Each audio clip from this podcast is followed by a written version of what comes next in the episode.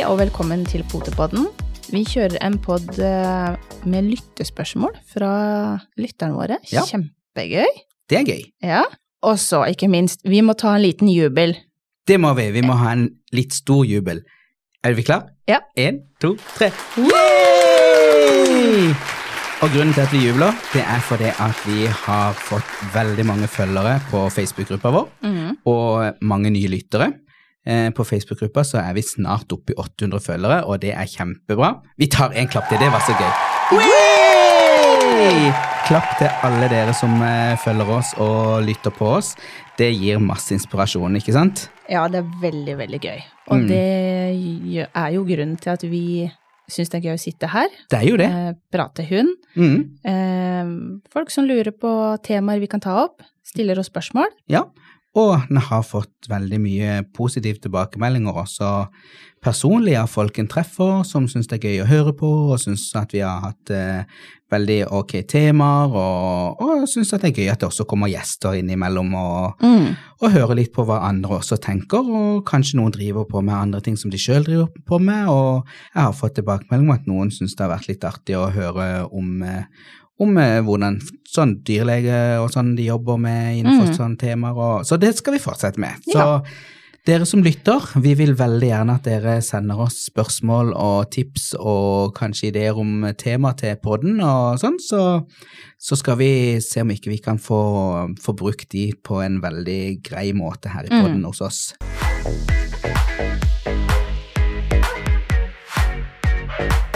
Men skal vi begynne da, Steinar, med Ja. noen, eh, noen For vi har jo spørsmål? fått inn spørsmål. Ja, Ja, så, og nok til at vi kan lage en liten sending med bare spørsmål. Mhm. Det er gøy. veldig, veldig gøy. Mhm. Men da kan vi starte med Silje, da. Eh, har en hund på snart to år som bare elsker å leke med ball eller pinne.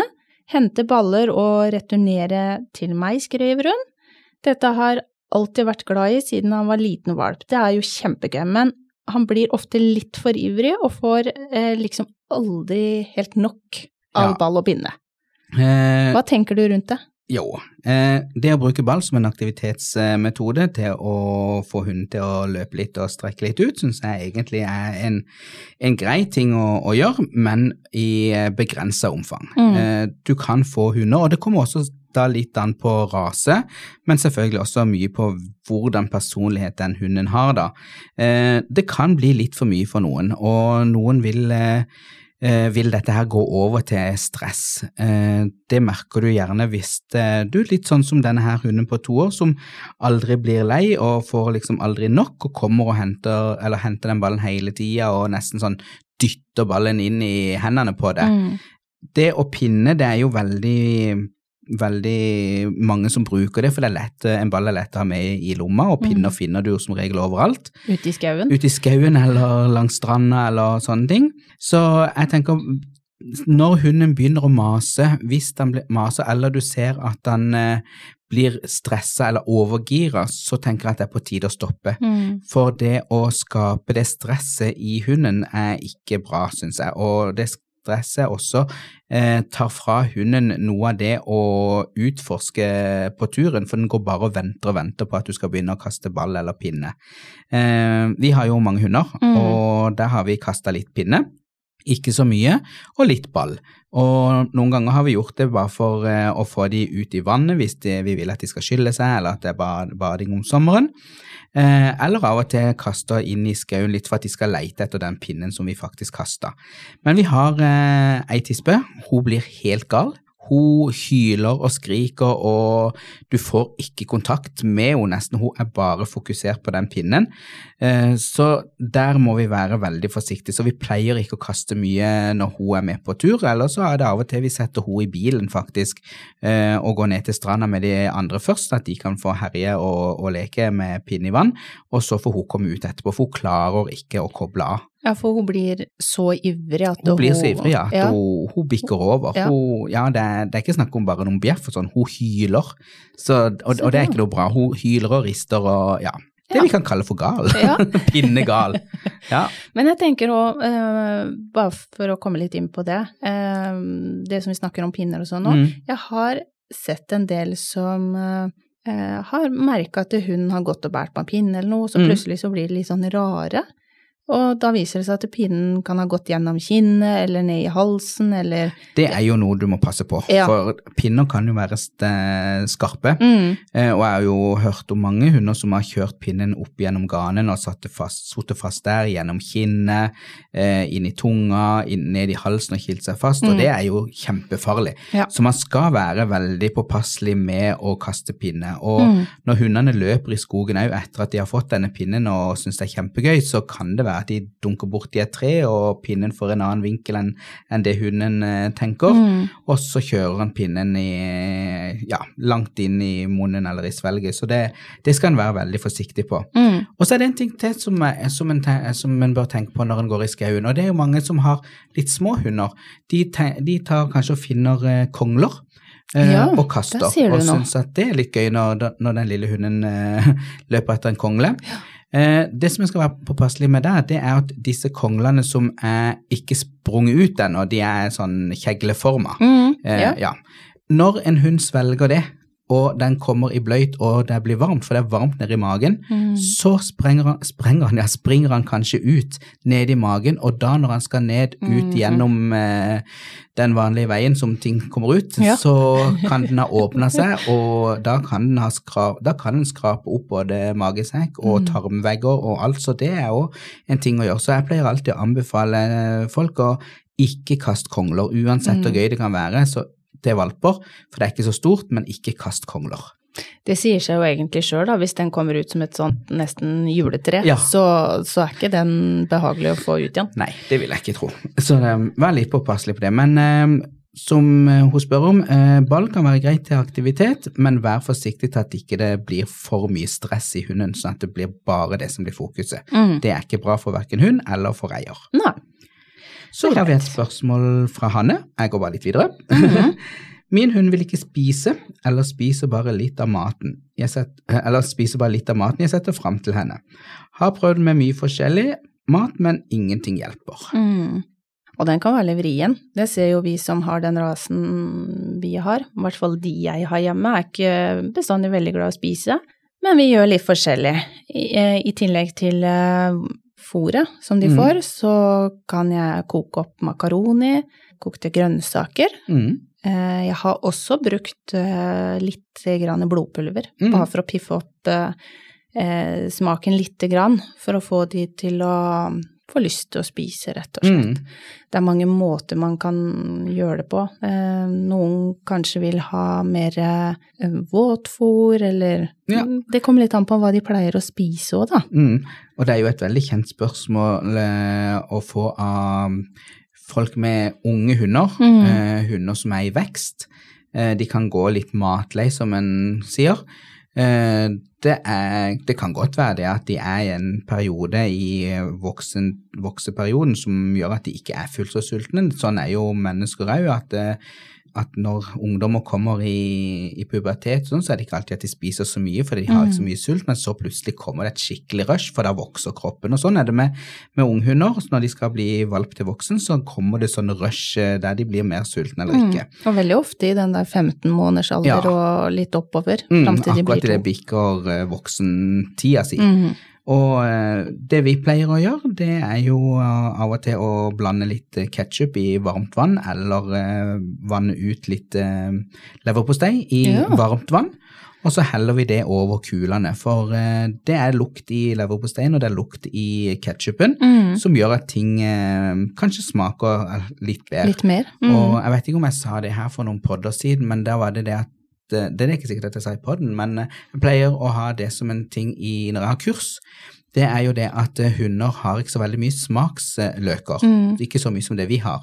Og smaken sitter som regel i nesa, så hvis det lukter godt, så smaker det sikkert godt. Mm. Og det er jo derfor vi ser at de putter alt mulig i munnen, og, og jeg kan jo ikke tenke meg at eh, kattenes avføring smaker så veldig godt, men det lukter stramt. Og Ja. da er det liksom ok, det, det lukter godt, da, luk, da smaker det sikkert godt. Ja. Og der òg kan du lure hunden litt med å bare ta noe som er litt sterk lukt i, vanner det ut og heller det over maten, så, så kan hundene tro at ok, men da er det sikkert veldig godt, mm. dette her.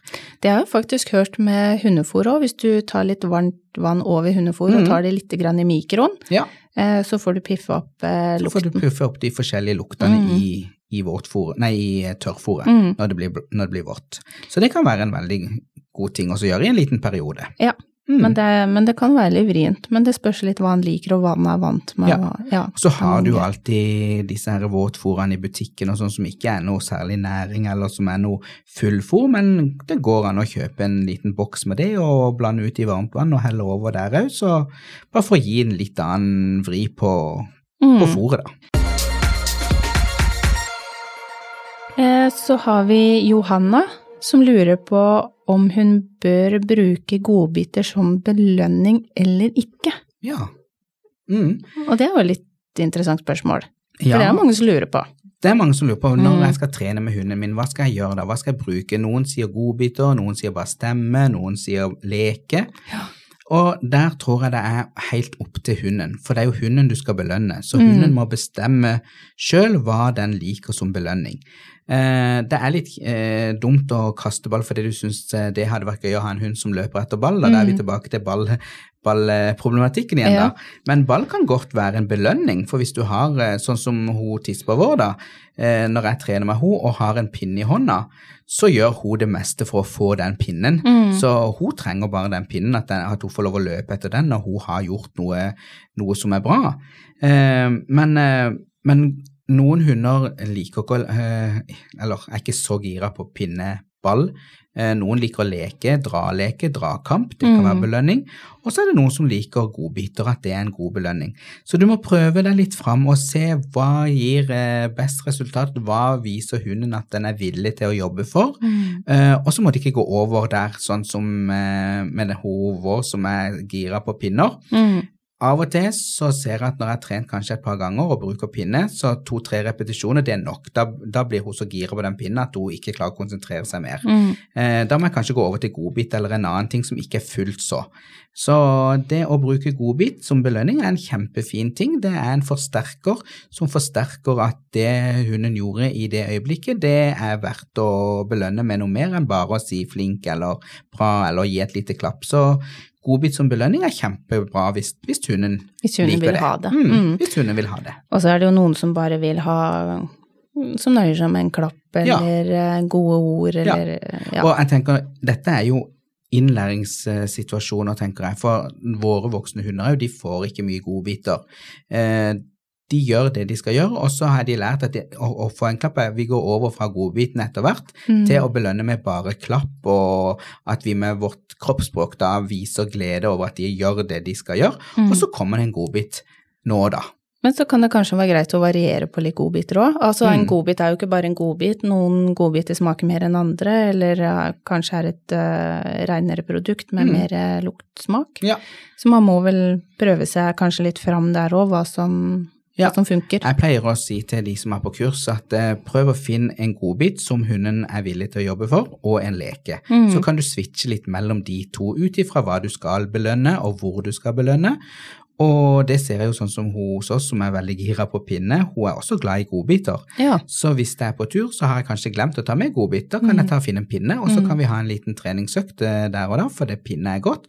Og når vi er hjemme, så tar jeg med meg godbiter, så er hun eh, like glad for å få det. ja. Så det å ha litt forskjellig å spille på, det, det tror jeg er viktig. Så, men Mm. eh, for spørsmålet om en kan bruke godbit som belønning eller ikke, ja, jeg syns du skal bruke godbit som belønning. Ja. Eh, John, hva er den beste aktiviseringen for hund? Noen tips på aktivisering dere bruker? Da har du jo mange forskjellige ting, og aktivisering Aktivisering er et veldig vidt begrep. Mm. For jeg tenker jo at når hunden gjør noe, så, og den er i bevegelse eller gjør noe sammen med deg, så aktiviserer du hunden. Mm. Eh, å aktivisere en hund, det er jo å gjøre noe, eller at du setter et, ikke krav, men at du gjør sånn at hunden må tenke litt over hva den gjør, og hvorfor den gjør det.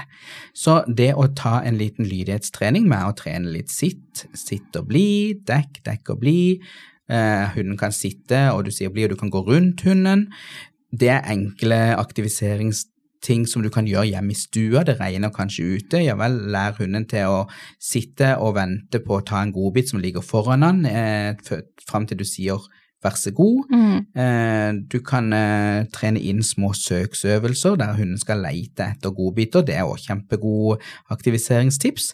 Det bruker vi mye på ja. våre hunder. Ja. Eh, Gjemme litt godbiter både inn og ute. Eh, Mhm. Du har jo forskjellige leker Ja, som du kan det putte eksempel godbiter inni, og så kan de rulle på det eller Det finnes riste på veldig det. mye eller- gøy nå på markedet, og i begynnelsen så var jeg litt sånn ok, eh, funker dette? Mm. Men så fikk jeg prøve noen, og- det gjør de, og en ser jo at hundene syns dette er kjempegøy. Så hvis en finner en, eh, en hundeaktiviseringsleke da, Mm. til godbiter, så syns jeg absolutt en skal prøve. Mm. Og så er det jo det må jeg si, for av og til så, De er jo lure, disse hundene, Ja. så det er jo mange ganger de skjønner hva de skal gjøre for Mm. å få den godbiten. Så hvis en kjøper inn kanskje to-tre stykker, eh, det behøver ikke å koste så all verdens, for det finnes veldig mye på markedet, så kan en ta en en periode og så bytte til en annen en. Eller så hvis en har noen hundevenner som har, så kan en jo bytte leke. Mm. Så slipper en å kjøpe så veldig mye, så kan en kanskje bytte, bytte litt hundeleker og aktiviseringsleker. Ja, for jeg ser jo det i dyrebutikkene. Det er jo mye Jeg kaller det IQ-leker òg, jeg. Ja, men det er jo det det er, for det, Det- hunden må jo bruke hjernen sin Ja. for, for å skjønne dette. Og jeg ser jo, vi bruker hjemme sjøl et, et tårn hvor det er forskjellige plater inni, og så skal de begynne å dra i tråd, trådene på de platene Ja, for å nappe de ut, og så detter godbiten ned etter hvert. lenger ned. Ja. Ja, spennende. Og du, du ser at den står og tenker og tenker og lurer på hva er det jeg skal Mm. gjøre nå. Og Så- en måte å lage en leke sjøl som ikke koster så mye, det er eventuelt har du en liten hund, så kan du ta en halvlitersflaske eh, av de til, som har vært cola eller noe oppi, sånn med av plastikk. Mm. Og har du en stor hund, så kan du ta en liter eller halvannen liters flaske. Så stapper du godbiter oppi der som klarer å rulle ut av tuten, og legger på gulvet, og så må hunden eh, sparke og slå i denne flaska for å få ut disse godbitene. Mm. Så du kan enkelt lage en sånn en IQ-leke da, Mm. hjemme, som hunden kan ha glede av. Og så er det kanskje noen som har noen helt enkle mm, pinner eller noe til å sette opp på, kjegler, Mm. og så kan hoppe litt, eller om du har kjegler, så kan de gå imellom. Det Ja, det er masse du kan gjøre. Så det er det jeg sier, det å aktivisere hunden er bare fantasien som stopper. Mm. Det å lære hunden å sitte bamse, spille død når du peker på han med en finger og sier pang, eh, rulle rundt, gå sikksakk mellom beina dine. Alt dette er, er aktiviseringsleker og Mm. aktiviseringsting, eh, øvelser. Og ting du kanskje lærer, de behøver ikke å være til noe nytte. Det, alle må ikke tenke at å, hvorfor skal hunden lære dette, og sånn, men bare lær de noe. Bare vær aktiv med hunden. Det er det hunden setter pris på. Og så trenger man kanskje ikke å holde på sånn kjempelenge, Det merker du. sånn at du blir, de blir lei. Ja, for når, bli, når du merker at hunden begynner å bli lei, så tenker jeg ta en øvelse hunden kan, sånn at dere går fra den seansen Mm. med at hunden klarte noe. Om det bare er sitt gi, å gi, få en godbit eller en leke, så er det avslutten. Sånn at ikke hunden velger at når jeg ikke gidder mer, så går jeg bare. Mm. For det er ikke hunden som skal bestemme alltid når en sånn en øvelsesseanse er over. Det er litt du òg som skal, som leder, som sier at ok, nå er vi ferdig. Mm. Så, så tenk litt på det, at hvis hunden bare går, så hank den inn igjen, ta en enkel sitt, og så la hunden få lov å gå. Sånn at Mm. dere, dere avslutter sammen, og de, dere avslutter på en måte der du kunne rose hunden. Sånn at det blir en, en positiv avslutning på aktivis, aktiviseringsseansen. Ja, absolutt. Og så er det greit å ikke bruke for lang tid heller, eller drøye det for langt, sånn at Ja. hun faktisk syns det er kjempegøy neste gang òg. Mm. Det er jo noe med det. Ja. Ok, da tar vi neste spørsmål, og den er fra June. Hvordan kan jeg vite om hun er overstimulert, eller Ja. hvordan vet jeg hvordan, eh, hvor grensen går når nok er nok? Tips for hva som er nok aktivisering. Ja, eh, det er også litt i forhold til hvor, eh, hvor eh, voksen eller i aldersgruppe hunden er. Hvis det er en valp, så ser en det gjerne lett med at eh, valpene blir kanskje veldig lekne. De velger å gå ut av en treningssituasjon og vil heller inn i en lekesituasjon. De Mm. kan bjeffe, hoppe rundt, bite litt etter det og være litt sånn oppstandasig, som vi sier. Mm. Da er det som regel eh, fullt oppi hodet, og de vil gjøre andre ting. Eh, da igjen også, ta og gjør en liten øvelse som om det, om det er bare å få hunden bort til deg for å gi en godbit, så avslutter en, eh, lek, nei, øvelsen med det. Eh, og hvis den tar for mye på valper, så kan det være at de blir leie. Mm. De blir trøtte av trening, de syns ikke det er noe gøy, for de får jo aldri fri. og Mm. sånn, det blir, det blir for mye, så det må en passe på. Eh, og er det en voksen hund, så, så ser du også der at de begynner å bli litt eh, Energien de sin i øvelsene går litt ut, men de er kanskje såpass trent at de faktisk jobber for det. Men du vil jo se at gleden etter hvert vil forsvinne mer og mer fordi de bare gjør det fordi de må. Mm. Eh, hvis du får en som blir overstimulert òg, så er det jo kanskje eh, en hund som ikke klarer å switche av når du switcher av. Mm. Og, og, sånn, og den hunden er det jo også viktig å lære seg til å slappe av, sånn at eh, den ikke hele tida går på høygir for å få noe aktivisering og, og trening. Mm. Men, men veldig individuelt for rase og, og hund. Men jeg tenker òg kanskje det kan være litt lurt å tenke over at eh, hunder skal og sove en del, eller skal og skal, de sover de gjerne. det. De Ja, trenger mye, mye søvn og hvile. de gjør det. Og eh, da tenke litt hvordan eh, Når på dagen og hva de gjør og Mm, Sånn som nå i de spesielle tider vi er i, mm, hvor man kanskje har hjemmekontor. Eh, Og hun normalt sett ville ha ligget og sovet, Mm. men er våken fordi at vi er hjemme og sånn. Og hvis vi finner på noe hele tida, og de får ikke den samme roen, da. Det er i hvert fall noe å tenke på. Ja, veldig, Eh. veldig eh, greit å tenke litt på, på det hvis du har veldig mye hjemmekontor, at mm, tving hunden litt til å slappe av. Det er noe med rotrening. Det er noe med rotrening, ja, og at de skal klare å få hvilt opp, at de ikke, at ikke de hele tida har en forventning at nå skal det skje noe, nå skal det skje noe. Mm. Så, og, og det er som med barn, det er veldig likt med, med, med unger, at eh, hvis det er noe som skjer hele tida, så blir hjernen trent opp til at noe skal skje, og da når det er litt dødperiode, så klarer de ikke å takle den, for de vet ikke hva de skal gjøre. De blir litt rastløse. Ja, blir veldig rastløse. Og så kanskje tenke litt på den faktoren at et menneskeår er syv hundeår. Det går veldig mye fortere på hundeårene. Ja. De skal gjennom mange eh, faser i forhold til kroppslig og, og psykisk, fysiske og psykiske faser, eh, i løpet av et år enn det vi mennesker gjør. Mm. Så det må en også ta med i betraktning at eh, de har et mye kortere liv, så det skjer ting mye fortere i en hundekropp. Og, og det krever ro. Det Mm. krever at, de får, eh, at kroppen får hvile. Og så har vi et uh, spørsmål fra Mariann. Mm. Hun drar i bånd, blir veldig ivrig når vi møter andre hunder, prøver å jobbe kontakt, eh, men når ikke inn, og vært på flere hundekurs og passeringskurs, men hjelper ikke, syns jeg. Hva kan jeg gjøre? Har dere noen tips? Og der tenker jo jeg først og fremst, eh, vi har jo hunder som, som kan dra en god del, eh, rasen vår, rett og slett. Eh, og det å begynne litt tidlig, være litt konsekvent på hvordan hun går i eh, bånd, Ja. eksempel, er noen av, av tingene. Men du òg har jo det at det å få en hund til å gå fint i bånd, det tar tid. Mm. Eh, og da må du begynne tidlig, som du sier, og eh, jo tidligere, jo bedre. Og det å gå fint i bånd handler jo også med kontakt å gjøre. Det handler jo også om at en hund har lyst til å være i nærheten av oss og ikke føler det som noe tvang eller at det er noe press på hunden, men at, at, vi, kan gå, eh, at vi kan gå turer sammen. Det som også er veldig eh, viktig, tenker jeg, det er å lære innkalling, sånn at hunden kan være løs i perioder.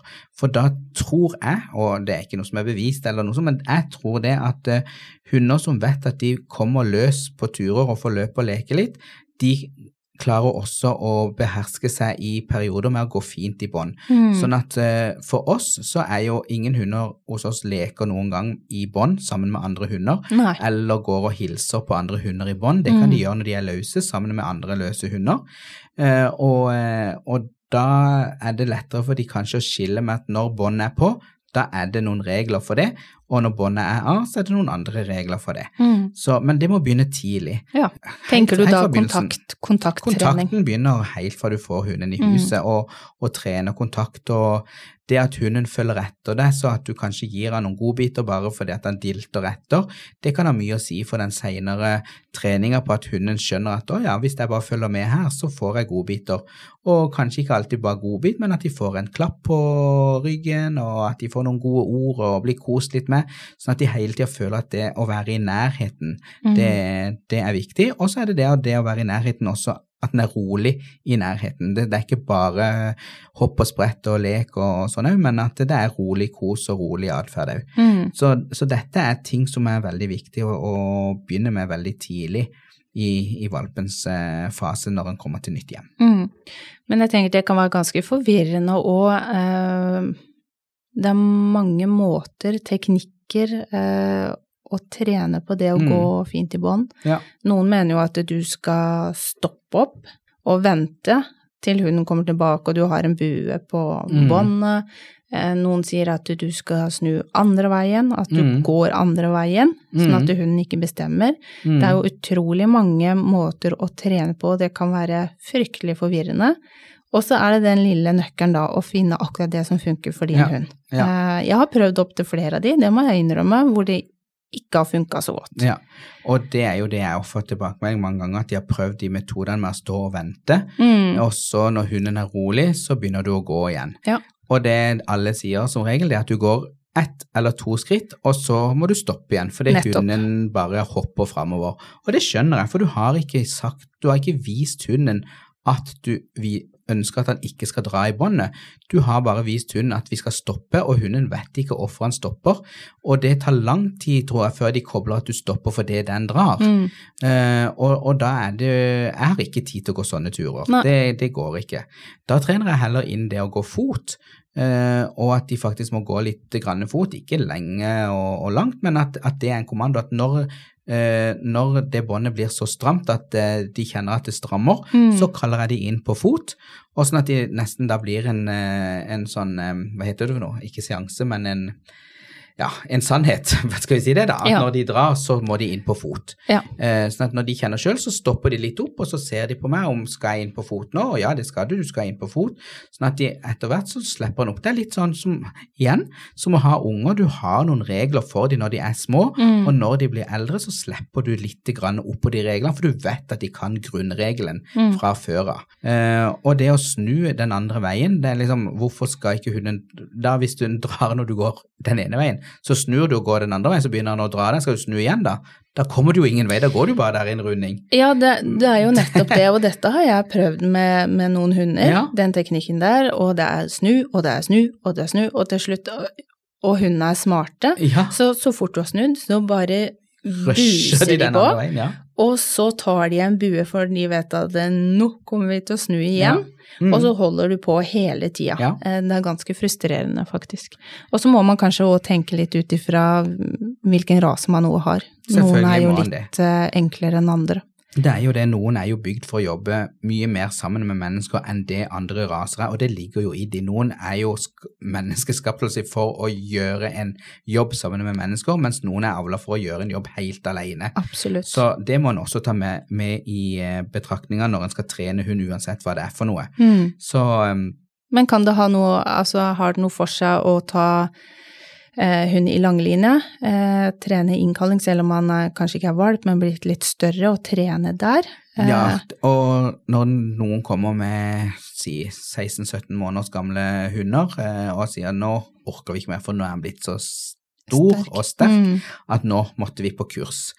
Eh, som regel så er det Det er ikke for seint, men det er for seint at det går at det går nokså fort å lære det. Mm. For det er allerede innarbeidet en sånn en eh, måte å gå på tur på som er vanskelig å snu.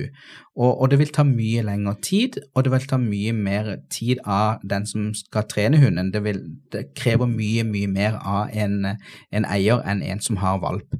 Eh, men det er fullt mulig, men du Mm. må være nesten enda mer eh, Konsekvent. konsekvent ja, Mm. enn det du må på en valp, for der kan du feile litt, for valpen skjønner liksom ikke helt dette, og den er bare med på leken. Ja. Mens eh, en voksen hun har begynt mer å ha egne meninger og egne tanker om hvordan ting skal være, og hvordan de ønsker at ting skal være. Mm. For en har jo møtt de som sier at ja, men når jeg tar hunden tilbake og tar og holder i litt kortere bånd for at han skal lære seg å gå ved siden av, så har han murra på meg. Mm. Og da er du kommet såpass langt at hunden anser seg sjøl som at ja, men dette kan jeg best, Ja. og har ikke noe behov for å se til hva andre vil for noe, for det, den har fått lov å holde på som den vil for lenge. Mm. Og gjerne da sammen med andre ting. Det er ikke bare det, men jeg tenker at det henger sammen med generell oppdragelse, for det kan jeg med hånda på hjertet si at når noen kommer med dette eh, problemet, da, Mm. så ser jeg jo at det er, det er ikke bare det som er problemet. Det er, problemet er jo generelt hele hundeholdet, hvor det er lite konsekvenser, det er lite rutiner, og en har satt altfor lite krav til det å være en hund. Ja. Ja.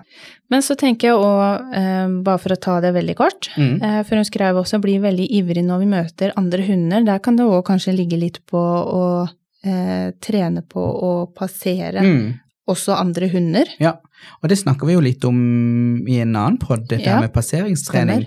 Og da er det igjen, finn hunder som er rolige, voksne, som ikke har den interessen av å skal bort til alle andre hunder, sånn at den ivrige hunden får erfaring med at ok, men hvorfor gir du meg ikke respons? Ok, eh, det er lettere for eieren da å få kontakt, for det er jo det som er alfa og omega med sånne hunder, det at du får kontakt. Gi dem en oppgave i det de passerer, om de skal gå fint i bånd, om de skal sitte, om de skal legge seg, kanskje ikke legge seg, for det kan være en truende atferd, eller mange hunder som er litt usikre, Mm. de, det er i hvert fall det å legge seg, det kan være Men de kan jo fint stå. Men de kan fint stå, Mm. de kan sitte, de kan gå fint i bånd. Eh, tren litt kontakt idet hunden går forbi, og rose veldig mye med godbit eller en lek, ha en lek, ha litt dragkamp, sånn at hunden forbinder det å se andre hunder, da er det noe som skjer. Mm. Og da får du litt igjen denne her som jeg sa med det å gå fint i bånd. At når hunden ser en annen hund, så vil han kanskje se opp på eieren sin, og liksom å, der er det en hund, ok, jeg forbinder det med leken, nå skal det foregå noe, for det skjer hver gang, konsekvent som du sier. Eh, og da er det lett å da har du vunnet de sekundene til å finne fram den godbiten, eller finne fram den leken, sånn at du kan eh, trene kontakt istedenfor at hunden skal ha full fokus mot det, den andre hunden. Og da er jo egentlig, vil jeg jo si, kontakten Han skjønner jo at det er kontakten med deg Ja, som gjelder, Kontakten og, med eieren eller føreren, den som Ja. holder i båndet. og ikke hunden Ja. som kommer imot. Mm. Yes, da har vi Johanna, hun har sendt oss to spørsmål, og det er jo kjempegøy. Ja. Hva skal jeg gjøre for å få valpen renslig? Den er nå Mm. fire måneder, sliter med å få den til å si fra. ja. Har du noen tanker der? Det er jo et kjent problem for nye eiere. Ja, og det kan være vanskelig, eh, men vi har den regelen når de har vært eh, og spist, lekt eh, eller sovet, så er det ut. Og når du har en valp, så er det veldig mye ut og ut, og du føler mange ganger at du, du gjør ikke noe annet. Men det kan òg være andre små tegn man kan se Ja. på. Noen snuser kanskje litt i bakken. Noen blir, kan virke nesten litt rastløse eller stressa. Mm. Og eh, de kan se seg rundt, eh, Ja. og du skjønner liksom at oi, nå begynner han å leite etter en plass. Noen piper, eh, men så er det det å, prøve å hjelpe de til å forstå eh, hvor ut er hen. Ja, Eh, og det er det ikke alle som skjønner hvor er utgangen Nei. hen. og hva nei. gjør man da? Mm. Mm, Eh, alle de tingene som du sa, er jo veldig er jo ting som er veldig viktig å se på når du får en valp. tegna, Så liksom. må du se på Mm. tegnene. Hva skjer før valpen setter seg ned, eller det skjer en, et lite uhell? Mm. Så, så prøv å lese valpen. Eh, en måte som en kan gjøre det på, det er jo eventuelt hvis en bor i blokk og ikke kommer, eller er i en firmasbolig, så en kommer ikke direkte ut i en hage. Eh, så kan en jo ha en eh, avis et, av- en avis eh, som en bretter ut, som de kan tisse på, og sånn hvis den ikke rekker det. Eh, hvis de velger å ikke bæsje på avisen, Mm. så når de har bæsja på gulvet, så kan du faktisk ta bæsjen og flytte den opp på avisen og vise hunden at her ligger han, og Mm. rose han sånn at han skjønner å ja, det er der kanskje. Eller hvis han holder på å bæsje og tisse, løft han opp og sett han på papiret eller på avisen og ros sånn at han skjønner at her er det lov å gå på do. Mm. Og når han eventuelt skjønner at ok, det, det er jo av og til han bommer litt med at de treffer akkurat, men han er rundt avisen, så flytter han denne her mot døra, og gjerne ut på utsida, sånn at en et par ganger tisser på utsida eller bæsjer på avisen på utsida. Mm. Og så fjerner en dette. Og dette går som regel bare en ukes tid eller noe, så, så har en en hund som skjønner at den i hvert fall skal gå på do ute. Mm. Men så har du jo de som sier at ja, men vi har jo gått på tur med hunden, og den får jo ut og, ut og leke og sånn, men han går ikke på do, så kommer vi inn, og så det første han gjør, det er å sette seg ned og tisse eller bæsje. Mm. Og det er egentlig eh, nokså naturlig. Fordi en valp er så langt nede på en rangstige, den har jo ingen plass på en rang, den er nederst på en rangstige. Og når den er ute og løper og leker på et jorde eller eh, på utsida av huset der det har gått andre hunder som har lagt ifra seg duftmarkeringer eller har bæsja og sånn, så lukter hun at her er det mange eldre hunder som har gjort ifra seg, som har markert sitt territorium. Og da er det ikke noe vits for den valpen at den vil ikke gjøre kamp om dette området, så den holder seg til han kommer inn til sitt område, Mm. der det er hans sine lukter eller hos sine lukter, der menneske, eller flokken sin lukter, der er det trygt å gå på do. Og, eh, og det er det også når du er ute i haven, så bærer luft, bærer jo lukta, sånn at selv om det ikke har vært andre hunder i i hagen, så kan det være hunder som har gått forbi hagen, tissa på gjerdene, tissa på, på, på hekken, som gir duftlukter, sånn at hunden kvier, valpen kvier seg for å gå på do der, og så kommer du inn igjen, og så setter han seg med en gang. Og det jeg pleier å si da, at hvis de har hunder som er såpass myke, eller som er så bevisst på hvor de er hen i rangsystemet, så pleier jeg å si ta noen kompostbinger, sett de opp, og hver gang hunden har gjort fra seg inne, kanskje har hatt uhell, ta bæsjen ut og legg den inn i denne kompostbingen, Mm. sånn at når hunden blir sluppet ut der, så kjenner han sin egen lukt fra sin egen avføring, og så vil han kanskje etter hvert der begynne å gjøre fra seg i kompostbingen, Mm. for det er et avgrenset område, sånn at du hjelper hunden til å si at ja, men her er dine lukter, og her er våre lukter, sånn at her kan vi, her kan vi trygt gå på do. Og det har jeg jo faktisk hørt andre som har sagt òg, at man kan eh, legge en eller to, da, en Mm. kule liksom. Ja. Kuler, det var et Ja. veldig merkelig ord. Eh, men eh, sånn, litt utafor gården eller rett ut i hagen, Mm. Ja. bare sånn at de kan kjenne sin egen lukt. Mm. Vi har hatt mye hjelp fra pelletskasser. Ja, det er jo en Eh, veldig lur ting å ha. Bare for å hjelpe de litt på vei, og Mm. rekker de ikke, så rekker de i hvert fall kanskje pelletskassa. Eh, om de ikke kommer helt ut. Mm. Eh, jeg tenker det kan være en god løsning, fram til man finner litt reisen på Mm. valpen òg, Ja. hvor fort den må tisse eller ikke. Ja. Og så kommer det jo litt an på rase. Noen raser er jo veldig seint utvikla og blir seint Mm. reine. ja. Med den rasen som vi har, så er de kjent for å være veldig tidlig reine. Mm.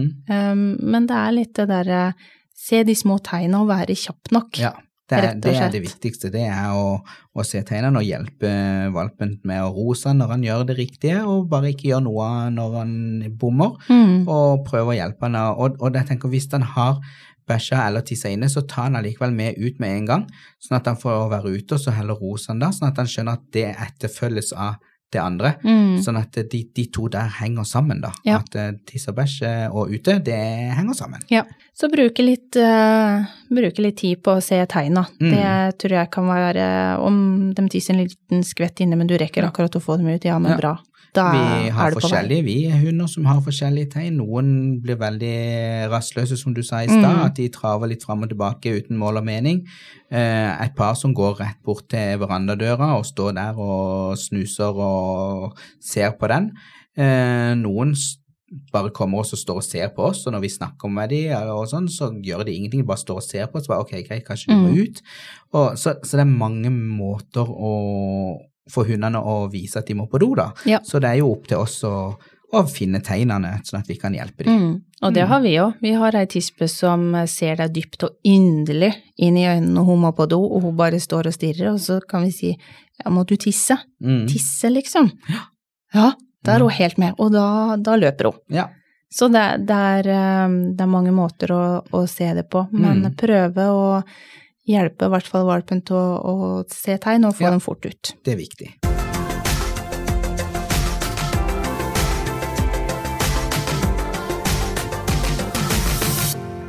Det er viktig å instruere og lære hunden, da, hva som er rett og galt. Mm. det er ikke alltid lett. Det er ikke alltid lett, og, men det er jo litt som jeg pleier å si, at hvordan vet en hund hva som er riktig hvis den ikke vet som, hva som er galt, og Mm. omvendt. Eh, de må få en viss forståelse av hva som settes til krav, og hva som forventes av de. Og det snakker vi også litt om i dette her med å bo i en flokk. Når det er flere hunder som bor sammen, så er det en rangordning, og det er de eldste som lærer de yngste. Mm. Og der blir det ikke spurt fem ganger om de har lyst til det ene eller det andre, der er det bare sånn gjør du. Eh, vi kan jo aldri gjøre det på den måten som hundene gjør det på, men vi kan lære oss noen metoder som viser valpen at her er det dette som forventes av oss. Mm. Og, og, men min personlige mening er at eh, det å ikke kunne si nei til hunden eller eh, eh, ta på hunden, det, det funker ikke for, for min måte og hva jeg har lært av, av hunders eh, atferd å, å gjøre. Og da er det ikke snakk om å være stygge og slemme med dem, men det er snakk om å ha berøringspunkter på hunden som tydeliggjør eller forsterker det en ønsker. Og så er det noe med det å stille krav til hunden, det som du sier, det er ikke det samme som å være ufin Nei, eller eh, å være ikke. hard.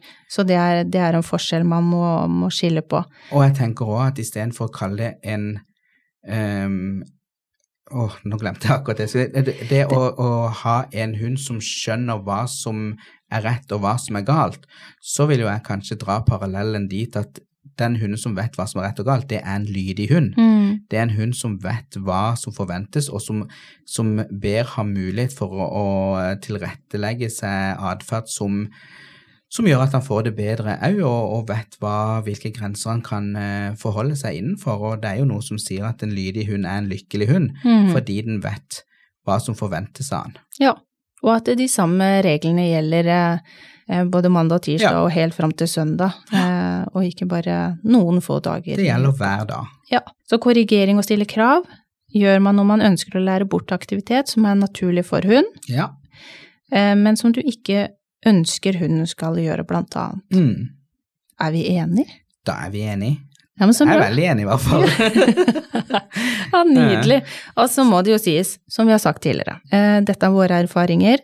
Det er våre Eh, erfaringer og våre tanker ut ifra det vi har lært, og Ja. hvordan vi tolker teorien. Og så er det noen teorier som ligger ens hjerte nærmere enn det andre. Mm, Og det er sånn som vi er personer òg, for det er noe som kan være riktig for meg, som ikke behøver å være riktig for deg. Ja. Mm. Og så må en bare må være enig om å være uenig av og til. Ja. Og, og det er sånn som jeg òg, som jeg sa med den der å gå fint i bånd, jeg har ikke tid til å stå og vente til en hund har skjønt at jeg stopper fordi den drar. Det må jeg heller fortelle han, eller lære han en annen bevegelse, eller lære han en annen måte å, å komme seg fram på enn å dra. Mm. Så må jeg heller vise hunden det. mm. Nei, men jeg tenker det er viktig i hvert fall at man er litt ø, åpen. Man har alltid noe å lære, Mm. ikke minst. Og så får man se om det funker eller ikke funker for ens Mm. hund og seg sjøl. Men du, Ja, vi har jo noe spennende på gang. ok. Ja, på gang. På gang. ja, vi har noe spennende på gang. Ja, jeg er klar. Og det er jo litt eh, Ikke bare litt, men det er veldig julete. For nå nærmer vi oss jo jul og eh, advent, Ja. og da har vi noe spennende. Har vi Har, du, ikke det? har du kjøpt gaver? Ja, det har jeg òg. Jeg har kjøpt noen gaver. Men vi har jo også noen gaver til dere lyttere. Ja. Det har vi. For vi skal ha adventssending. Det skal vi ha. Hver søndag i advent så skal vi ha en liten sending. Mm. Eh, og eh, det blir en litt sånn Hva skal vi kalle det for? da? Det blir litt eh, presentasjon av en eh, godbit eller en leke til hunden. Eh, litt julegavetips. Og litt Eh, andre tips i forhold til jul, mat, ja. hva man ikke bør gi hunden. Det blir ikke sånne lange eh, podder. Det blir korte med litt info og litt konkurranse. Mm. Og dette er jo et samarbeid med Godbit1, den eh, nettbutikken som vi Ja. hadde besøk av i forrige uke. Og der er det mye fint. Og der er det mye fint, for der har jeg vært og kikka mye og funnet mye som passer i hvert fall til vårt hundehold. Ja. Ja, Jeg har fått Både en til snik. tobeinte og firbeinte. Ja. Ja. Det Så det er veldig gøy det at de ville være med på et samarbeid på disse adventssamlingene. Mm. Så eh, der blir det også mulighet for å kunne vinne gavekort. Ja. Mm. Så til dere som lytter på, følg med, for vi, vi skal ha noen konkurranser. ja. Mm. Og gjerne følg oss fortsatt, eh, for de som ikke gjør det, på Mhm. sosiale medier. Ja, Eh, del gjerne. Og, ja. Ja, og så tenkte jeg, eh, det tenkte jeg på i stad når vi snakka om dette med aktivisering av hund. Det hadde vært veldig gøy hvis noen av dere lyttere skriver eh, i kommentarfeltet under denne podden her om dere har et godt aktiviseringstilbud eller aktiviseringstips. Hva gjør dere når det regner ute og ikke har lyst til å gå to timer i skauen? Mm. Har dere noen aktiviseringstips eh, å komme med, så hadde det vært veldig Kanskje gøy. de kan legge ved et bilde, Et bilde, det en video. en video. Ja. Kanskje det kan eh, vanke en liten premie òg. Det er Oi, oi, oi. usannsynlig, det, altså.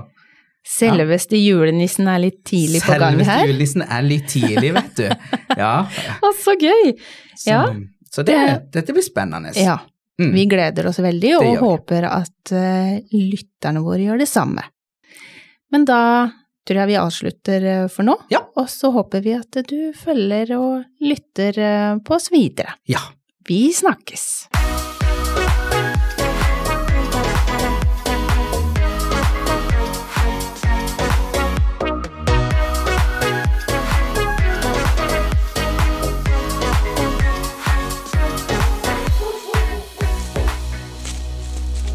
Potepodden, firebent prat laget av ckakademiet.no.